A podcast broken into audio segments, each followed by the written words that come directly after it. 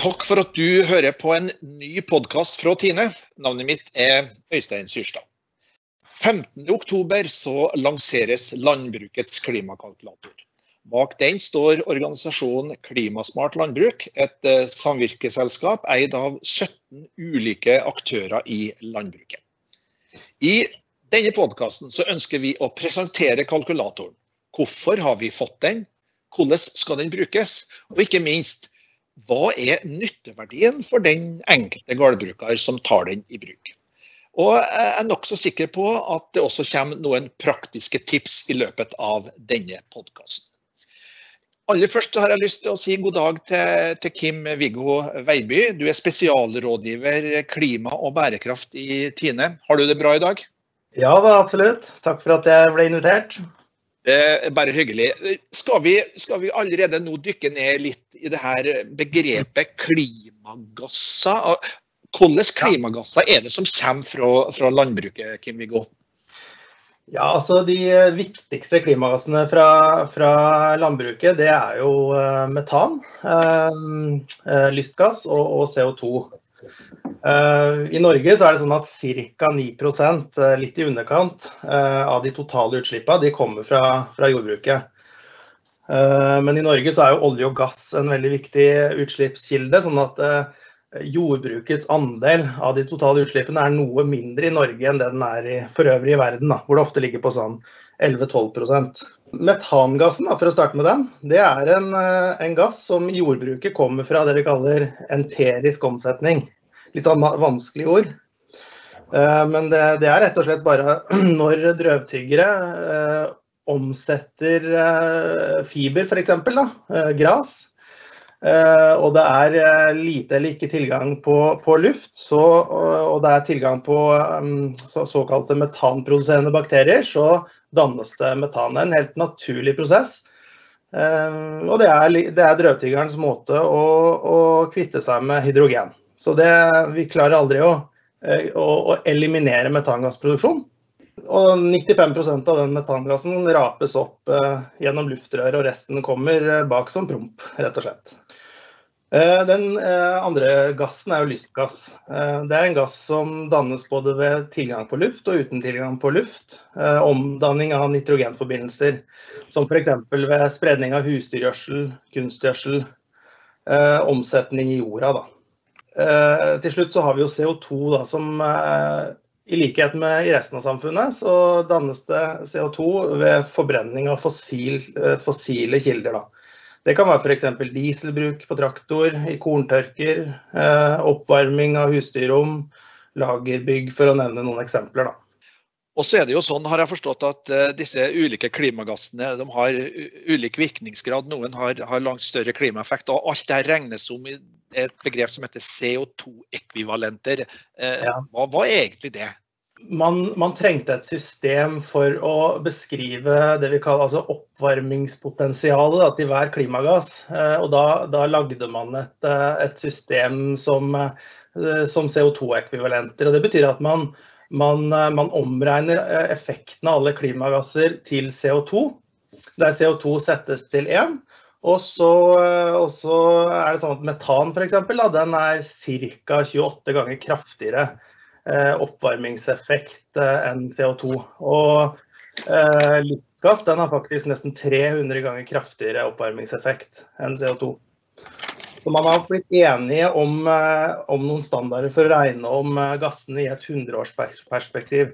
Og faktisk er det sånn at For metan da, for å ta det, så, så, er det ganske urettferdig, egentlig. fordi metan er jo en klimagass som brytes veldig raskt ned i atmosfæren. Så I løpet av en eh, tolv års tid så vil veldig mye av et, et punktutslipp av metan være nedbrutt allerede. Mens for CO2 så tar det over 100 år. Sånn at eh, man eh, bør nok kanskje etter hvert se på andre måter å, å beregne effekten av de kortlevde klimagassene. Så, så, som jeg sa innledningsvis her nå, så kommer det jo da en klimakalkulator i landbruket nå den, den 15. oktober. Og, og hvorfor har det vært viktig å utvikle en klimakalkulator beregna for eh, landbruket, og da brutt ned på, på det enkelte gårdsbruk? Nei, altså det er, eh, det er viktig eh, for å, jeg, for å, få en oversikt over utslippet på gårdsnivå. rett og slett også som en dokumentasjon, men ikke minst det å kunne finne ut hvor man bør sette inn tiltak på den enkelte gård. For hver gård er helt unik og, og vil ha ulike utslipp, f.eks. Fra, fra dyr eller fra, fra bruk av traktor, fra planteproduksjon osv. Så, videre. så ved hjelp av klimakalkulatoren så, så, vil man finne hvor det er lurt å begynne å kutte, sette inn tiltak, da, for å si det sånn. Ja, og nå ønsker jeg at vi skal, skal dykke litt, litt, ned i den klimakalkulatoren. Både hvordan den er bygd opp og, og hva som skal legges inn. og da, da, tror jeg at jeg anroper både Stein Jørgensen, du som er rådgiver i Norsk landbruksrådgivning, og Solveig Opplen, bedriftsrådgiver i Tine. Og, og dere vet jeg sitter sammen oppe på, Brumunddal. Ja, skal vi Velkommen til dere, forresten. Det må være høflig å si det først. Takk for det. Ja, tusen takk.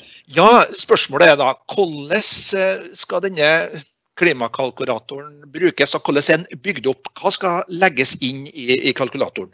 Det blir henta data fra et system som heter Dataflyt, og da legges det inn i den beregningsmodellen for, eh, for eh, gardens klimaavtrykk. Da. Og Det som blir henta inn, det er jorddata fra NIBIO, og så har du værdata fra Meteorologisk institutt. Eh, fra Tine Q-kontroll, eh, animale husdyrkontroll og regnskap. Og så er det tilskuddsdata etter Landbruksdirektoratet. Og skifteplan eh, som da blir henta inn fra NLR. Her må den enkelte bonden gi tilgang på data fra, fra Q-kontrollen og skifteplan. Når de har skifteplan, så er det veldig viktig at kartet er oppe og går, slik at vi får igjen klimaavtrykket på, på skiftevis. da. Og så vet jeg at den faktiske gjødslinga som blir registrert, og, og den avlingsnivået som ligger i skifteplanen som blir registrert. Ja, og så tenker jeg litt slik at sjøl selv om dette her skjer egentlig veldig automatisk da, når bonden har gitt tilgang, uh, så er det veldig nødvendig at en likevel tar en sjekk, slik at en ser at data er inne. For det har vi opplevd at eh, f.eks. så har det manglet data i forhold til energiforbruk. Og da er jo det det med. Eh, og på sånn måte som du sier, Stein, da, i forhold til det med at eh, hvis det mangler kart, så får vi det inn fra skifteplan. Ja, det er riktig. Og så er det jo selvfølgelig slik at hvis den har en, en Q-kontroll som ikke er ajourført, så, så, blir ikke dette her eh, så riktig, da. Jeg liker egentlig å kalle denne klimakalkulatoren for en klimaindikator, ja. Jaha. Eh, for det, det syns jeg er et uh, veldig godt begrep. Uh, fordi at det er en indikator. Og mm. så blir det å grave seg uh, lenger ned i materien, da, tenker jeg. Og så er det jo viktig det at en eh, f.eks.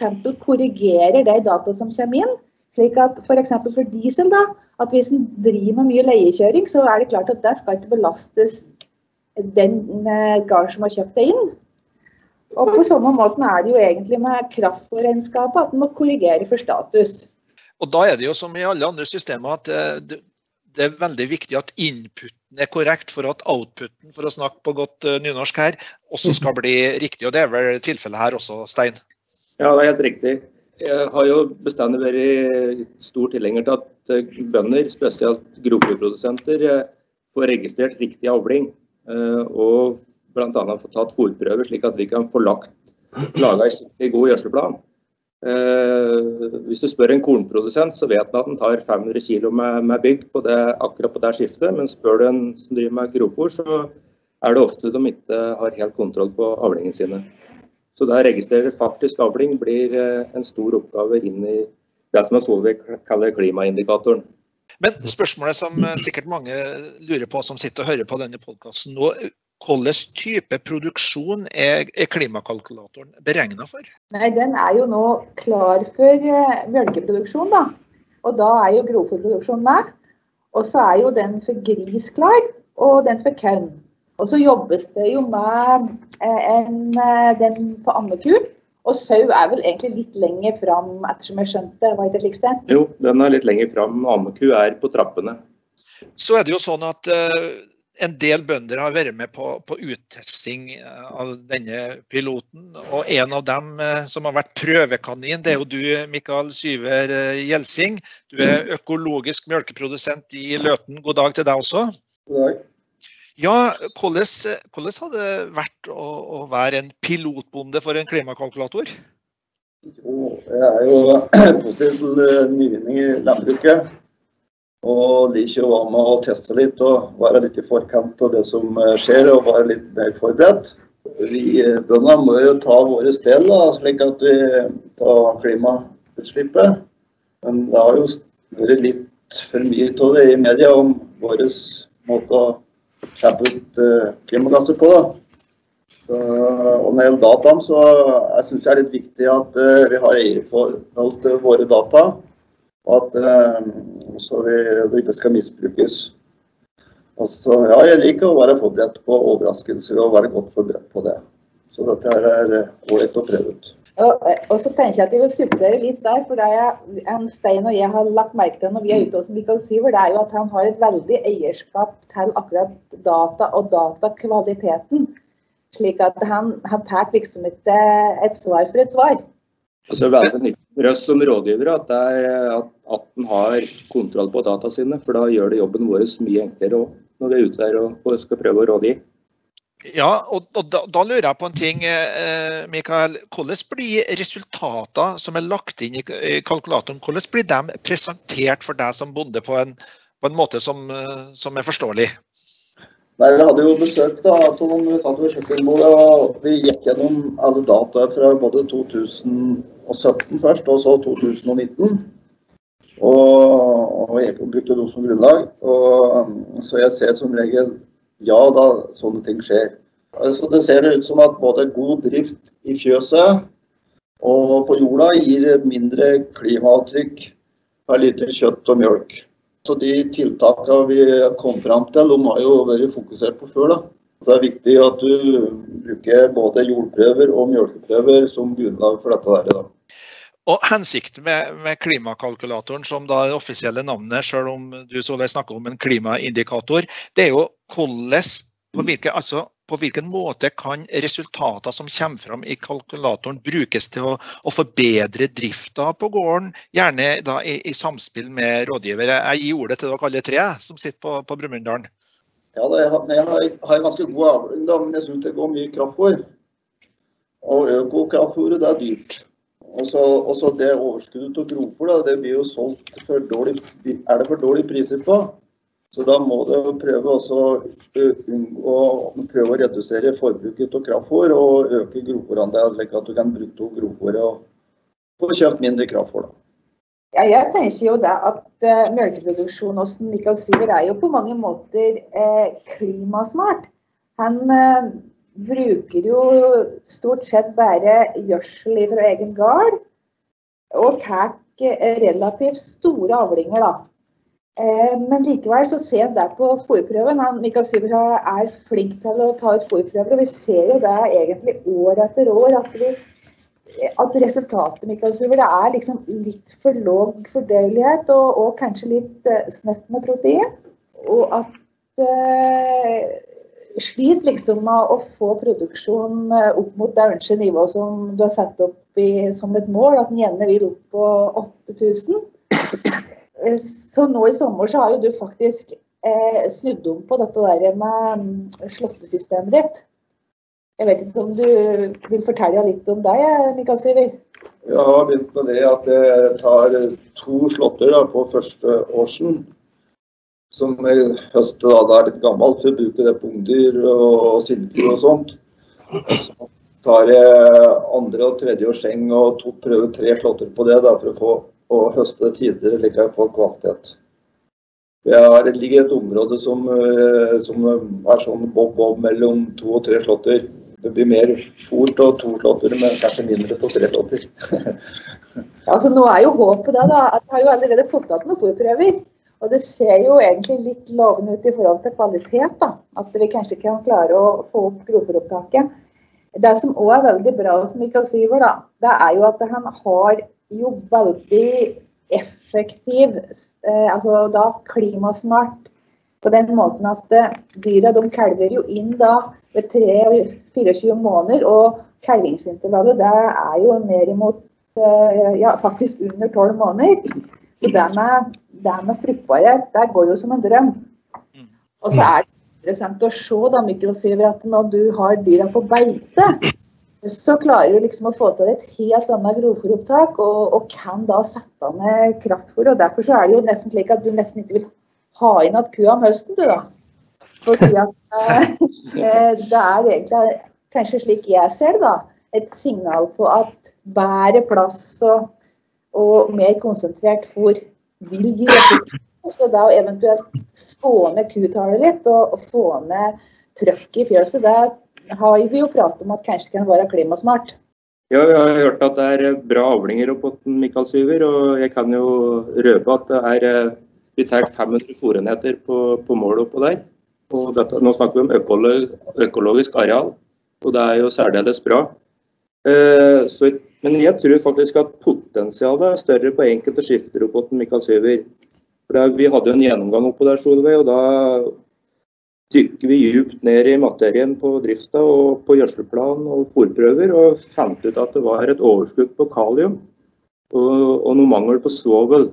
Eh, som òg kan være faktisk noe av forklaringa på at det er eh, et relativt lågt proteintall oppå der. da. Nå husker jeg ikke eksakt tallet, men eh, vi oppdaga at det var lågt. da. Det som òg var veldig interessant, og som faktisk vi så nå når vi fikk igjen fòrprøver, som i år har en sånn svovelindeks, nitrogen- og svovelindeks, så stemte jo det veldig godt det, den mistanken, da. Ja. Så, så det var jo så, Og dette her med å være to rådgivere ute på gården samtidig, eh, å få den tverrfagligheten, det, det gjør liksom at en får en helt annen bredde. Ja, absolutt. Og jeg lærer fryktelig mye om fòring, da. Og det syns jeg er skikkelig moro. Ja, jeg forstår at mye av det, de eksemplene som dere nå har trukket fram fra, fra gården til Mikael, er ting som da kommer fram i, i, i klimakalkulatoren. Og, men da er jo et viktig spørsmål her til dere to rådgivere. Hva, hva, er viktig for å komme i gang med bruken av kalkulatoren? Ja, jeg tror rett og slett at det er, eh, er viktig at bøndene begynner å, å, tørre å prate litt om klimaet. Ja. Og det er slik at dette, Disse e-læringskursene som ligger i tilknytning til kalkulatoren, de er eh, egentlig en veldig god ballast å ta med seg. Jeg har sjøl gått gjennom dem i det siste, og de var veldig, veldig bra. Uh, og i media så leser vi nok riktignok ikke så mye om klima nå uh, som vi gjorde for et år siden. Uh, nå er det matsikkerhet og korona som må tie over litt mer, men det går jo ikke over. Og det er jo slik at landbruket de har jo forpliktet seg til å ta sin del til reduksjon. Og det, det, må det norske landbruket ta inn over seg. Og I den forbindelse da, så er jo denne klimakalkulatoren et viktig verktøy for å synliggjøre hvordan utviklinga av avtrykket for egen gard eh, utvikler seg. Som vi har pratet på før, så er det nødvendig at bonden har et eierskap til dataene sine og stiller seg spørsmål er det riktig det som eh, inngår i kalkulatoren og hvordan ser det ut hos meg. Og så er det jo slik at denne kalkulatoren den, den er jo under utvikling. Eh, så den versjonen vi har nå, er jo ja, nummer én, versjon 1. Ja, det mener jeg. Ja. Og det er riktig som du sier, Solveig. Det, dette her med data og datakvalitet, det er så viktig å ha de rette data på plass. Det vil si å ha en god datakvalitet, slik som vi opplevde på Mikael Syver når vi var der. Og at vi hele tida har ja, kommuniserer godt om eh, f.eks. gjødselplan når vi skal sette opp den. Og at, det, at det melkeprodusenter og grovfòrprodusenter er mye flinkere til å, å veie fôret slik, som vi prata på i stad. Og ta ut fòrprøver slik at du vet noe om avlingsnivået, slik at du kan få en mer korrekt gjødselplan eh, på gården din.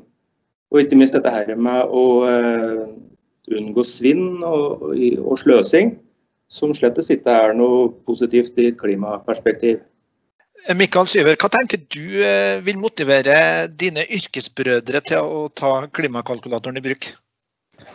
Ja, det bør stimuleres da å eh, være vinning sånn økonomisk forbundet. Eh, jeg må jo bruke noen virkemidler der, og et fokus på det må en ha. kan jo fokusere på at god drift da, det gir jo bedre klimaavtrykk. Så er jo spørsmålet på, på hvilken måte da vil bruken av kalkulatoren påvirke mange ulike deler av drifta på gården. Og vi har jo vært inn litt på det her med tverrfaglighet både hos deg, Stein, og, og du, Solveig. Hva tenker dere om det? Det som er så fint, er vel egentlig det at, at både altså god drift på fjøset at alle de dyra som står på fjøset, de må på en måte levere noe. Enten i form av kjøtt eller mjølk. Og, og når det gjelder dette på jordet, da, så er det, jo, er det jo veldig klart at det, god fòrkvalitet er veldig, veldig klimasmart. Eh, Kim-Viggo Veiby, du har sittet og hørt på det her nå. og ja. vi, vi, vet jo at det er viktig å redusere klimagassutslippene. Og, men samtidig vet vi at det er mye kompleksitet i det. Ting heng, mange ting henger sammen med hverandre. Er det slik at alle klimatiltak er bærekraftige? De aller fleste klimatiltak er bærekraftige, men, eh, men, det trenger ikke nødvendigvis å være sånn. Eh, jeg tror vi skal huske på det at eh, klimagassutslipp det er, det er bare en del av den totale bærekrafta. Og det er litt viktig å ha med seg. Vi må passe på at vi ikke gjør tiltak ett sted, f.eks. i produksjonskjeden, da, som, som, er positiv der, og så, går liksom vinninga opp i spinninga fordi man øker utslippene et annet sted. Ehm, jeg pleier å bruke et eksempel. Eh, hvis, jeg som bonde da skulle fokusere kun på å redusere metangassutslipp eh, på, min ammekugård, så ville det kanskje vært fornuftig å skille ku og kalv tidligere om sommeren. Sette inn okse, oksekalvene, gi dem fri tilgang på kraftfôr. Og dermed redusere grovfòropptaket. Da, da øker jo tilvekst, og mest sannsynlig så vil da dager fram til slakt reduseres. Men men, men, det er jo ikke det jeg ønsker. Altså, jeg ønsker jo å eh, øke beitebruken, øke dyrevelferden og, og, og, på en måte øke norskandelen i fòrsedderen til de her dyra. Sånn at eh, man, man, skal ikke kun se på eh, redusert utslipp, man må liksom tenke total bærekraft på gården. Da. Det er flere ting som, som virker. Men jeg tror det er et uh, veldig viktig poeng som vi har vært inne her, innom her flere ganger. at uh, Heldigvis da, så er det sånn at eh, de aller aller fleste klimatiltak de, veldig, de gir også veldig god effekt på økonomien på gården. Så det handler, eh, det handler jo veldig ofte om effektivitet i produksjon. da. Unngå syke dyr, ikke sant? øke grovfòrkvalitet osv. Du sa jo at eh, rent innledningsvis at kanskje borti 95% av metanen kommer gjennom rap, og resten kommer gjennom en, en promp. Så er det mange som tenker men er, kan vi gjøre noe med, det da, Kim-Viggo? Jeg vet at du forsker på det her. Ja, vi driver og ser litt nå. Jeg tar en doktorgrad innenfor grovfòrkvalitet og metangassutslipp. og Vi prøver å identifisere de faktorene ved grovfòret som, som reduserer metan. Og det her er litt sånn nybrottsarbeid eh, som er veldig spennende. Um, vi vet at uh, både uh, avlingsmengde, men også kvaliteten på den uh, grovfòravlinga er uh, ganske viktig. Og Det handler om agronomi. Alt fra drenering, kalking, unngå pakkeskader, riktig gjødsling, riktig slåttetidspunkt osv. Øke avlingspotensialet og, og, og, og, få en god grovfòrkvalitet. For Eh, en, eh, et tidlig høsta surfòr. Det er veldig mye som tyder på at det eh, gir en annen produksjon av syrer i vomma på kua, og dermed mindre metangassproduksjon per kilo mjølk, f.eks. Ved god grovfòrkvalitet som et eksempel, altså så øker man jo produksjonen og har da flere liter mjølk å fordele det utslippet på. Men jeg har også lyst til å trekke fram kuhelse, og, eller dyrehelse. da. Så man klarer liksom å redusere forekomsten av juebetennelser, mjølkefeber, eh, diaré på kalv f.eks. Og kanskje bli grønn besetning, som noen, noen eksempler. Da. Så, så, vil jo det selvfølgelig føre til at man kasserer mindre mjølk, og da har eh, lavere utslipp per kilo mjølk. Da. Ja, Du nevnte agronomi, du, Kim Viggo. og Da har jeg lyst til å sende ballen litt til deg, Stein Jørgensen i NLR. Hva er egentlig forskjellen på god agronomi og, og, klimatiltak? Ja, Jeg er glad du spurte om det, Øystein. For det er ganske uh, artig. Vi vet jo at det enkle grep i drifta kan redusere utslippene av klimagasser. Tiltak kan være riktig kjøreteknikk, valg av maskiner, dekktrykk uh, og ikke minst det der med arbeidsdybde på redskaper vi vet jo at det, for hver centimeter det øker i arbeidsdybda, så må vi flytte 15 tonn mer jord per dekar. Og hvis du da kan pløye litt grunnere, eller du kan harve litt grunnere, så selvsagt reduserer du forbruket av drivstoff. Og vi vet at dette med riktig gjødsling, som eh, Kim Viggo var inne på, unngå jordpakking og god drenering, øke avlinga, det binder jo mer karbondioksid og reduserer utslipp av nitrogen, som f.eks. som lystgass. da.